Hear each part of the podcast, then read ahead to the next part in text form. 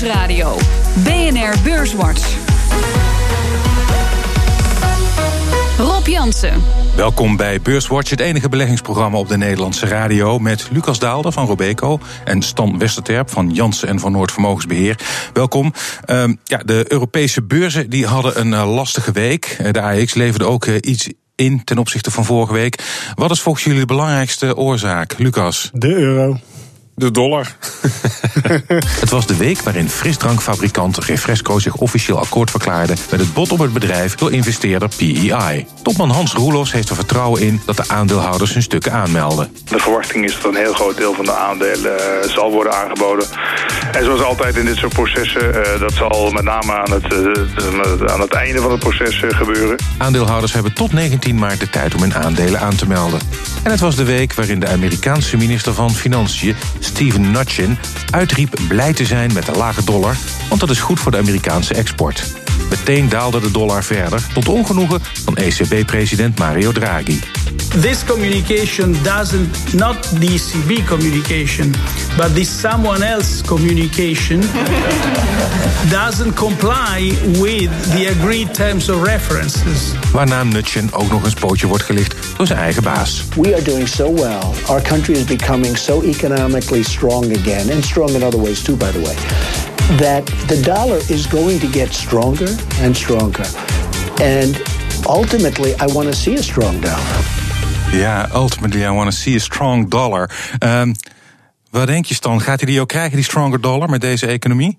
Nou ja, kijk, in eerste plaats, uiteindelijk is het niet aan, aan Trump of aan welke president dan ook om te bepalen waar de, de wisselkoersverhouding natuurlijk naartoe gaat. Maar op lange termijn, eh, laten we eerlijk zijn, is het wel fijn om natuurlijk een, een stabiele en iets sterkere munt te hebben voor je, voor je concurrentiepositie wereldwijd.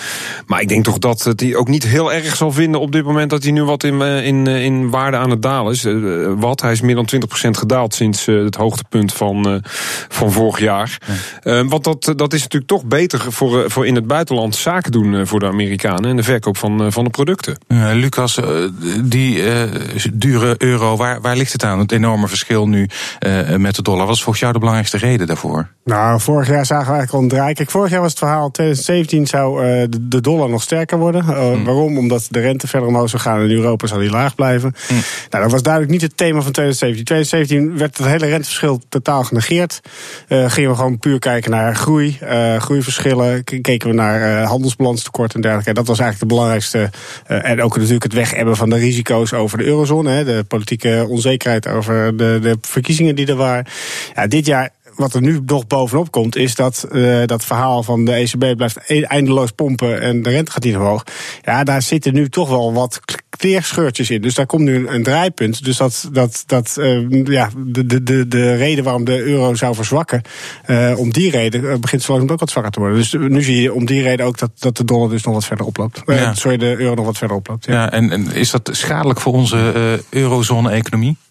Nou ja, eh, je vroeg het uh, al in je inleiding. Waarom is, heeft de, de beurs in Europa het iets minder gedaan deze week? Dat komt omdat die euro zo sterk aan het stijgen is natuurlijk, deels. En uh, Europa, of Amerika blijft toch record op record stapelen. Ja. Dus daar zie je het verschil al naar voren komen. Maar nogmaals, op langere termijn is een stabiele, sterke munt helemaal niet zo erg. Alleen, ja, het is wel erg hard gegaan in twaalf maanden tijd. En dat is wel een, een beeld dat je bij valuta helaas wel vaker ziet. En niemand kan vooraf voorspellen waar het naartoe gaat. Achteraf verklaren is altijd makkelijk natuurlijk. Maar ook nu weer, ja, iedereen hanteert maar een bandbreedte. Maar het zal voor Europese bedrijven wel betekenen. Die gaan natuurlijk nu met de cijfers met name komen en de vooruitzichten. Dat ze toch wat voorzichtiger zullen zijn. Zeker als je internationaal zaken doet. Omdat die eh, euro zo sterk is geworden inmiddels weer. Ja, ja sterk geworden ook met, meldt Financial Times vandaag, de volumes op die valutamarkten. Die zijn net als de volatiliteit enorm uh, gestegen. Um, ja, volatiliteit, volatiliteit valt volgens mij heel erg mee. Hè? Uh, dus we, we, wij zijn heel erg gewend om echt te kijken naar de euro-dollar. Ja. Als we het hebben over uh, valuta, hebben we het altijd over eigenlijk de, die currency paar. Ja. Als je gewoon de wisselkoersmarkt over het algemeen ziet, valt okay. met volatiliteit heel erg mee. Ja, ja. Dus okay. uh, het is toevallig deze beweging, maar dat is ook wel de enige beweging die zo'n beetje uitschiet. Ja. En, en Stan, wat moet je nou als belegger met, die, uh, met deze wisselkoersverhouding? Gewoon negeren, dat, dat nou, weg? Kijk, of? Uh, als je veel cash hebt in dollars, dan doet dat natuurlijk pijn. Ja. Uh, als je wat verkocht hebt en je hebt dat laten staan in dollars. Van de andere kant, als je gewoon belegt in Amerikaanse bedrijven... die wij echt niet in Europa hebben, zoals de techgiganten... Apple, Google, Facebook, dat soort namen... Um, dan word je ook gecompenseerd vaak dat die dollar wat daalt... omdat die aandelen omhoog gaan. Dus per saldo mm. maakt het dan niet zo heel erg gek veel uit. Hè. Dat zijn mm. communicerende ja. vaten. Dus in principe als belegger zou dat geen overweging moeten zijn. Zeker niet als je internationaal uh, gaat. Ja, dan heb je altijd te maken met valuta uh, schommelingen en ja. valutawisseling. Ook, ook al beleg je in een bedrijf als, als Koninklijke Olie of, of, of Heineken of noem het maar op. Daar zitten ja. zoveel valuta-effecten intern in. Dat merk je niet omdat je in euro's zeg maar alles terugrekent. Ja. Maar het hoort een beetje bij het beleggen. Je valutarisico hoort een beetje Dat bij. is inderdaad het korte antwoord voor, voor mijn lange verhaal. uh, we gaan even naar uh, ander nieuws van vandaag. Echt de groei van de Amerikaanse economie. Uh, ja, economen gingen uit van een groei van 3%. Het vierde kwartaal is dan wel geannualiseerd. Uh, vanmiddag werd bekend dat het 2,6% is geworden. Schokkend. Um, niet, ja, niet schokkend, maar gewoon, het gaat gewoon lekker. Nou, 2,6, zoals je zegt, het is geannualiseerd. Dus als je het teruggeeft, is het 0,1% minder dan, dan verwacht. En ja. dit is een, altijd een soort van flash estimate. Deze wordt ja. nog twee keer gezien. Uh, dus tegen de tijd dat we het echte definitieve cijfers zijn, zien, uh, kan er weer een heel ander beeld staan. Dus ik, ik, hier lig ik niet wakker van. Nee. Uh, wat dan wel weer interessant is, dat je dus, omdat je het vierde kwartaal nu ook hebt, weet wat de groei van de Amerikaanse economie over het hele jaar gedaan heeft. En dan valt het wel op dat Amerika voor de tweede jaar op rij ongeveer dezelfde groeipercentage laat zien als, als Europa. Ja. En uh, wat dat betreft, we hebben het altijd maar over powerhouse uh, Amerika. Uh, wij hebben echt te maken met vergrijzing. Daar hebben ze dat niet. Dus onze arbeidsmarkt staat er eigenlijk ook nog minder gunstig voor. Ja. en dat we dat toch vergelijkbare groeipercentage laten zien, is toch niet heel slecht, zou ik zeggen. Nee.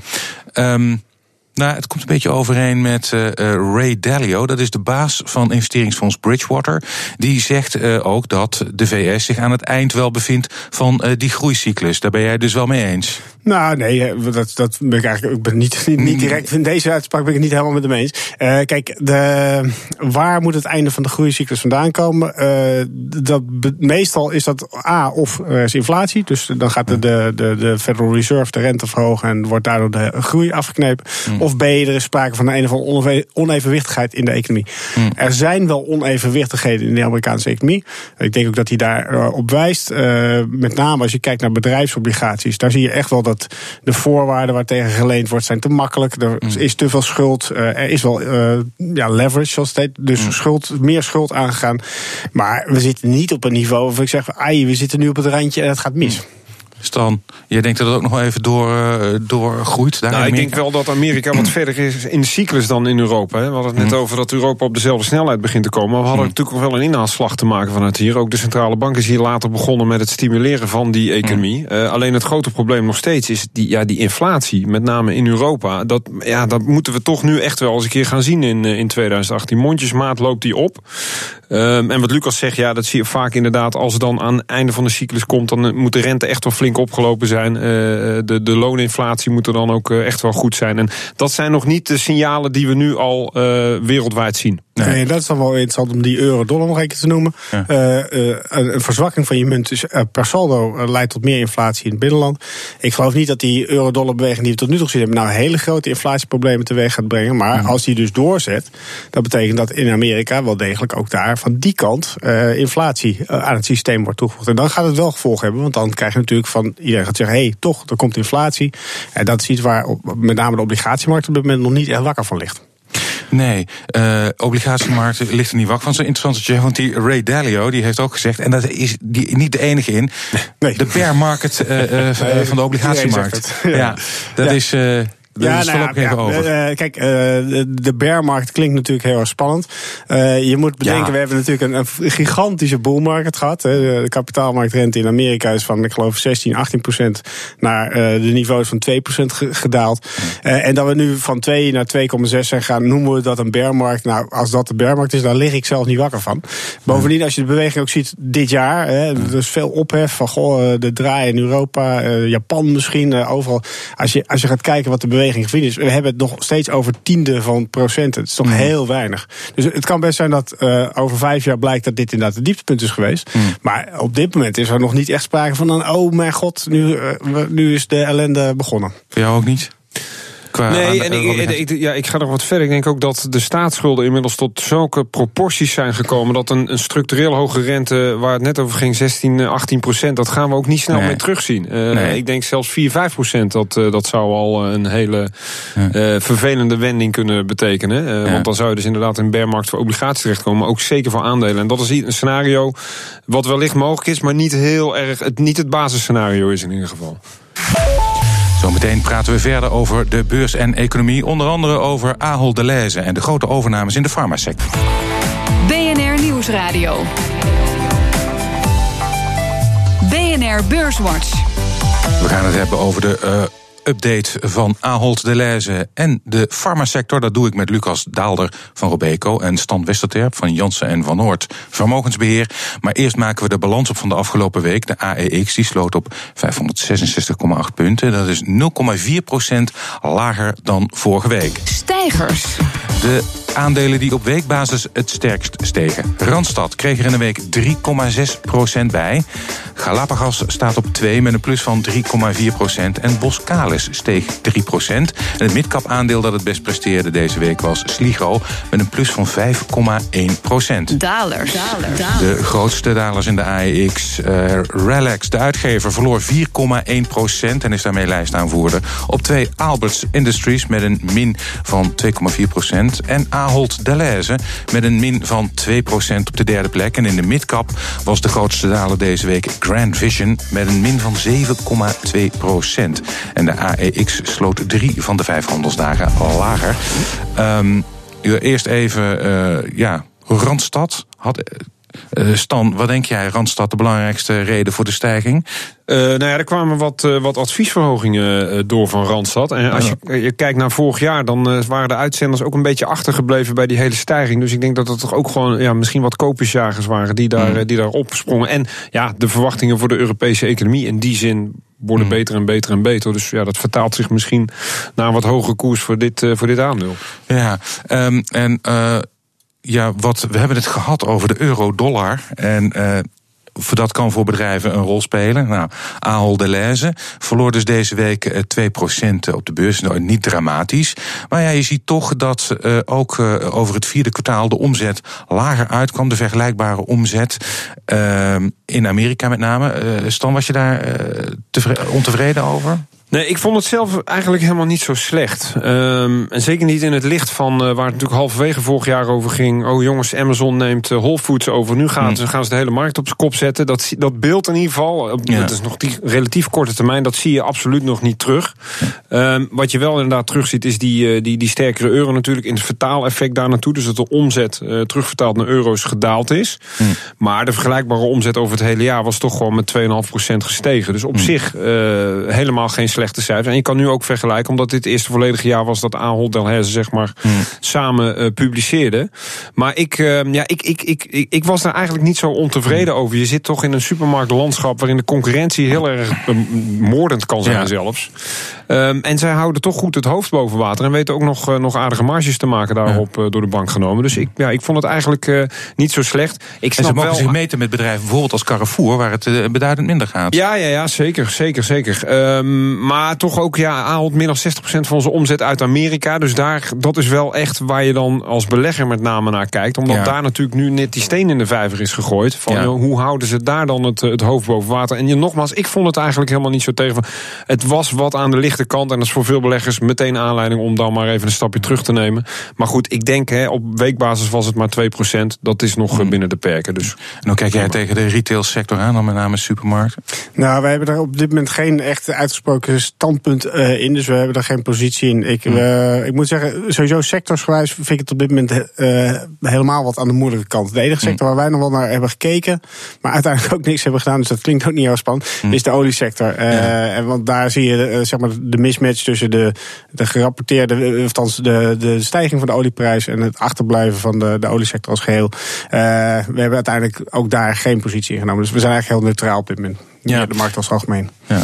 Veel kleinere speler natuurlijk en eigenlijk meer een groothandel dan een supermarktketen is uh, Sligro. Kwam uh, deze week met cijfers, niet alleen omzetcijfers. Ja. Winst uh, omhoog. Het gaat niet goed met de MT-winkels. Dat zijn er 130, die staan te koop. Ja. Um, daar is trouwens wel belangstelling voor, maar ze nemen wel heel erg lang de tijd om ja, ze te verkopen. Ja, ja, dat is ook een beetje frustratie van beleggers. maar het beeld is daar wat je klopt inderdaad. Groothandel gaat goed, ook weer goede cijfers. Nu MT Supermarkt is eigenlijk te, te, te klein om echt een serieuze speler te zijn in het Nederlandse landschap. Dus mm. moet in de verkoop, dat zeggen beleggers en aandeelhouders drukken daar al jaren op. Mm. Uh, maar het bleek nu wel dat ze toch wel in een vergevorderd stadium zijn. Mm. Wat dat dan ook mag betekenen. Ja. Maar dat was wel reden om, om Sligo verder, uh, verder ja. omhoog te kopen. Dus vandaar uh, de grote stijging in de, in de midcap. Ja. In het verband met deze cijfers uh, keek even naar de overview. 1,8 miljard euro inmiddels uh, waard. Ja. Zit nog wel wat, uh, wat rek in, denk jij, naar boven? Nou ja, er zijn heel veel waardebeleggers die nog steeds zeggen... als je het vergelijkt met de rest van de markt... Mm -hmm. dat het undervalued is. maar goed, ja, in, in, in, in, een, in een, een tijdsgevricht... waar alles tot, historisch gezien in ieder geval tot grote waarde stijgt... zou je daar inderdaad nog aan, aan kunnen relateren. moet er wel bij zeggen, ja, het blijft een, een, een, een groothandel, een super supermarkt. Dus het, dat, dat gaat met, uh, gepaard met hoge volumes, lage marges. Ja. Dus ook het risico dat daarbij hoort, zeg maar, als het economische tij even wat tegenzit, cyclisch gezien, ja. dan, uh, dan, dan kan het ook omslaan, zeg maar. En ook het sentiment rondom dat soort aandelen. Maar als je echt puur kijkt naar uh, lange termijn en, en ondergewaardeerde aandelen, kan dit wel zeker nog interessant zijn. Ja. Ja, um, ik wil ook even stilstaan bij de farmasector. Daar uh, hadden we op één dag deze week twee grote overnames. Sanofi, San, Sanofi neemt Bioveratief over. Misschien voor veel beleggers onbekende namen. Uh, als je niet echt in de biotech zit. Celgene koopt Juno Therapeutics. Um, ja, uh. Wat zeg je? Heerlijk. Heerlijk, ja. ja. Het is een sector waar jij vet in ja, zit. Wij zit. Nou ja, zeker. En, uh, en het mooie is, we hebben in de Benelux ook wel een aardige biotech sector. Uh, met veel uh, mooie bedrijven. Want je noemt nu allemaal buitenlandse namen. Ja, speelt, dit speelt inderdaad Precies, allemaal. maar er zit wel meer fantasie. Ook in namen die gewoon in Nederland genoteerd zijn. Hè. Galapagos is natuurlijk de meest voor, vooraanstaande daarin. Maar ook een Applinks uit België, waar dit jaar al een bot op is gekomen van Novo Nordisk. De, de diabetische reus. Um, en zo zijn er nog wel wat namen. En je ziet na jaren van wachten dat die sector ineens tractie begint te krijgen. Ja. En dat heeft ook weer te maken met het hele proces wat je natuurlijk doorloopt. Er zijn heel veel bedrijven die in de eindfase komen van hun klinische studies. Ja. Uh, en dan is het dus ja, eigenlijk een go of no-go. Kunnen we met onze medicatie of behandeling uh, naar de markt toe? En dat is het moment dat de grote farmabedrijven geïnteresseerd raken. Ja. En de portemonnee gaan trekken. En daar reageren beleggers logischerwijs dus op. Dus het, ja, het is. Dus jij bent helemaal vrolijk, want jij. jij nou, we hebben, laat ik het zo zeggen, we hebben slechtere starten van het jaar uh, gezien, inderdaad. Ja. ja. het was echt, wat dat betreft wat we in de eerste drie weken eh, aan rendement hebben gemaakt voor sommige klanten, dat was, eh, dat was wel heel bijzonder. Dat gaan we maar, niet ieder jaar doen. Nee, maar als je nou kijkt naar, uh, je zegt ja, ze, ze kijken een beetje naar, naar het einde van de ontwikkeling van zo'n uh, medicijn. Ja. Dat doen ze dus, want ik kan me voorstellen, de bedragen, het gaat om 9 miljard dollar bij de ene en 11, 11 miljard bij de, de ander. Ja. En dan vraag ik me altijd af van, is dat in godsnaam nog terug te verdienen? Nou, kijk, um, laat ik het even aan de hand van het voorbeeld van Gilead en Galapagos. Gilead heeft natuurlijk licentieovereenkomst met Galapagos. Gilead heeft nog meer dan 30 miljard cash dollar op de balans. Aandeelhouders willen dat ze dat uitgeven om de pijplijn te vergroten. Mm. Maar Gilead kan zich ook geen misser veroorloven. In die zin dat ze nu al bij wijze van spreken een gooi naar Galapagos zouden doen. Mm. Als ze niet meer zeker weten van of dat medicijn daadwerkelijk naar de markt gaat komen. Dus mm. heel gek gezegd, ze betalen liever het dubbele iets verder uh, down the line. Om zeker te weten van oké, okay, hiermee kunnen wij naar de markt toe. En dus ook echt gewoon geld gaan verdienen dan dat ze 4, 5 miljard over de balk smijten. Hoe gek dat, dat dan ook klinkt. En dat zie je heel vaak gebeuren. Net voordat het uh, uh, naar de markt komt. Ja, ze zullen niet accepteren dat er een, een serieuze concurrent ontstaat. Dus dan wordt de, de portemonnee getrokken en dan wordt het overgenomen. Lang, lang, geleden heb ik ook nog eens in dit soort aandelen belegd. Maar dat is lang geleden. En ik weet dat ik daar extreem veel mazzel mee had. uh, totaal niet geremd door enige kennis trouwens. Ja. Maar gewoon puur mazzel. Ja. Maar goed, je zei net, hè, als we naar sectoren kijken, hebben we vooral naar olie gekeken. Maar ja. dus niet naar de biotech? Nee, nee, dit is voor ons, kijk, wij kijken eigenlijk alleen maar naar de echte bredere, grote indices. Dus dan moet je denken aan financials, uh, ja. olie en dergelijke. En daar zit uh, iets als biotech of uh, pharma, dat is eigenlijk al een subindex daarvan. Dus daar, daar, daar, daar verdiepen ons niet in. Bovendien, ik vind dat je daar echt heel erg specifieke kennis voor in huis moet hebben. Mm. zeker als je het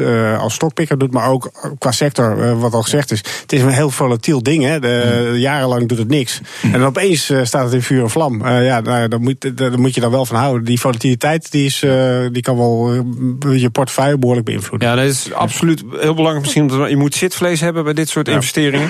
En je het moet inderdaad in de diversificatie van je totale portefeuille passen. Ja. Dus je mm. gaat niet een hele uh, portefeuille met biotech aandelen mm. inrichten, logischerwijs. Maar het is een kers op de taart, zeg maar. Maar goed, de financials zijn ook een sector waar jullie naar kijken. ik hoor van veel nog wel eens van mensen die hier staan, die rente loopt op. Dat, daar zit ook nog wel wat rek in. Maar dat is voor jullie, jullie zien het anders. Nou, op dit moment wederom uh, niet voldoende uitgesproken. Wij zijn over het algemeen, kijk, wij kijken, eh, ik ben van het team wat echt multi-asset bekijkt. Dus aandelen, obligaties, uh, currencies, maar ook grondstoffen. Ja. En dan binnen de verschillende beleggingscategorieën kijken we soms wel eens naar heel specifieke ideeën. Maar dan alleen als we er echt geloof in hebben. Dus de, de, de, de, de drempel ligt vrij hoog. En dat is waarom we eigenlijk over het algemeen vrij neutraal zijn in sectoren. Ja. Dus oké. Okay. dit moment ook. Ja.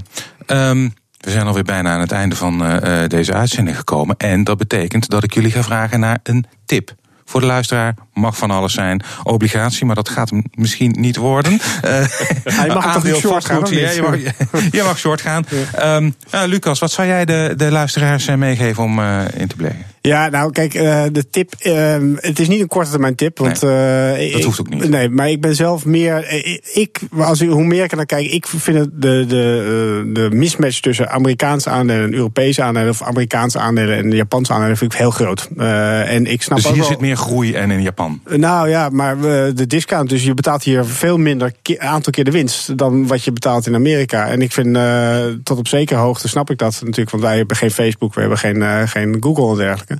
Maar dit soort discounts, uh, op korte termijn kan je er weinig mee. Maar zeker op de lange termijn krijg je dat uiteindelijk wel terugbetaald. Dus uh, mijn voorkeur zou zijn uit Amerika naar Europa dan wel Japan. Stan. Ja, we laten we dan toch maar gewoon voor het risico gaan en de biotech noemen. Maar wel onder de voorwaarden die we dan uh, net geschetst hebben. Inderdaad, je moet zitvlees hebben, je moet die volatiliteit aan kunnen. En je moet het voor een klein stukje doen van je portefeuille. En je moet je huiswerk doen. Want dit is niet iets wat je. Ja, dat is een beetje het punt, denk ik, voor de particuliere belegger. Ja. Hoe bepaal je in godsnaam welk fonds goed is? Nou, kijk, ook daarbij, uh, ook al doe je je huiswerk en je begrijpt in essentie hoe de technologie werkt en, en wat het marktpotentieel zou kunnen zijn, dan nog is het geen garantie dat het ook daadwerkelijk gaat werken. Dus ook daarbij weer niet al die eieren in één mandje zeg maar, stoppen. Maar nogmaals, als het uh, helemaal, uh, de, de, ja, hoe moet je dat zeggen? De, de, de, de, de, de vlam in de pan is. Dan, ja. uh, dan kan je wel zien dat je hier extra buitengewone rendementen mee kan halen. Ja. Maar nogmaals, doe het met onder de, ja, de voorwaarden die we net schetsen. Vrij binair is het allemaal. Ja, precies. Nou ja, binair in die, kijk, hoe je het dan uitleggen, zeg oké, okay, als je er tien koopt, mm -hmm. acht ervan kunnen op de fles gaan, bij wijze van spreken. Maar die twee die het wel redden, die, gaan zorgen ervoor dat die compenseren de, de, de, rest van de verliezen, bij wijze van spreken. Dus het is, het is inderdaad. Um, voor de luisteraars thuis, uh, Rob kijkt heel bezorgd. nou, nee, kijk, als ik kijk naar bijvoorbeeld de ontwikkeling van Galapagos vorig jaar en ja. nu ook weer, dan uh, ja, uh, als je kijkt naar de koers, gaat nou ja, dat, is zo'n specifiek voorbeeld waarvan je ja. eruit kan gaan dat Gilead ook gewoon op een bierveeltje kan uitrekenen. Wat gaat het ons kosten als we zo meteen die royalties moeten betalen in de top van de markt? En wat kost het ons nu om dat clubje over te nemen? Ja. Dan kan je er gevoeglijk van uitgaan als ze slim zijn en ook gewoon economische mensen daar hebben zitten. Dat ze denken, nou, we kunnen het beter overnemen voor deze ja. prijs. En dat is natuurlijk waar beleggers op zitten te wachten. Ja. Daarmee zijn we aan het einde gekomen van deze aflevering van Beurswatch. Ik dank mijn gasten van vandaag, Lucas Daalder van de Robeco en Stan Westerterp van Jansen en van Noord Vermogensbeheer. Volgende week is er weer een Beurswatch. Deze uitzending die kunt u naluisteren op de website van BNR of via de BNR-app. Heeft u nog vragen, dan kunt u mailen naar beurswatch.bnr.nl of een tweet sturen naar Rob Dank voor het luisteren.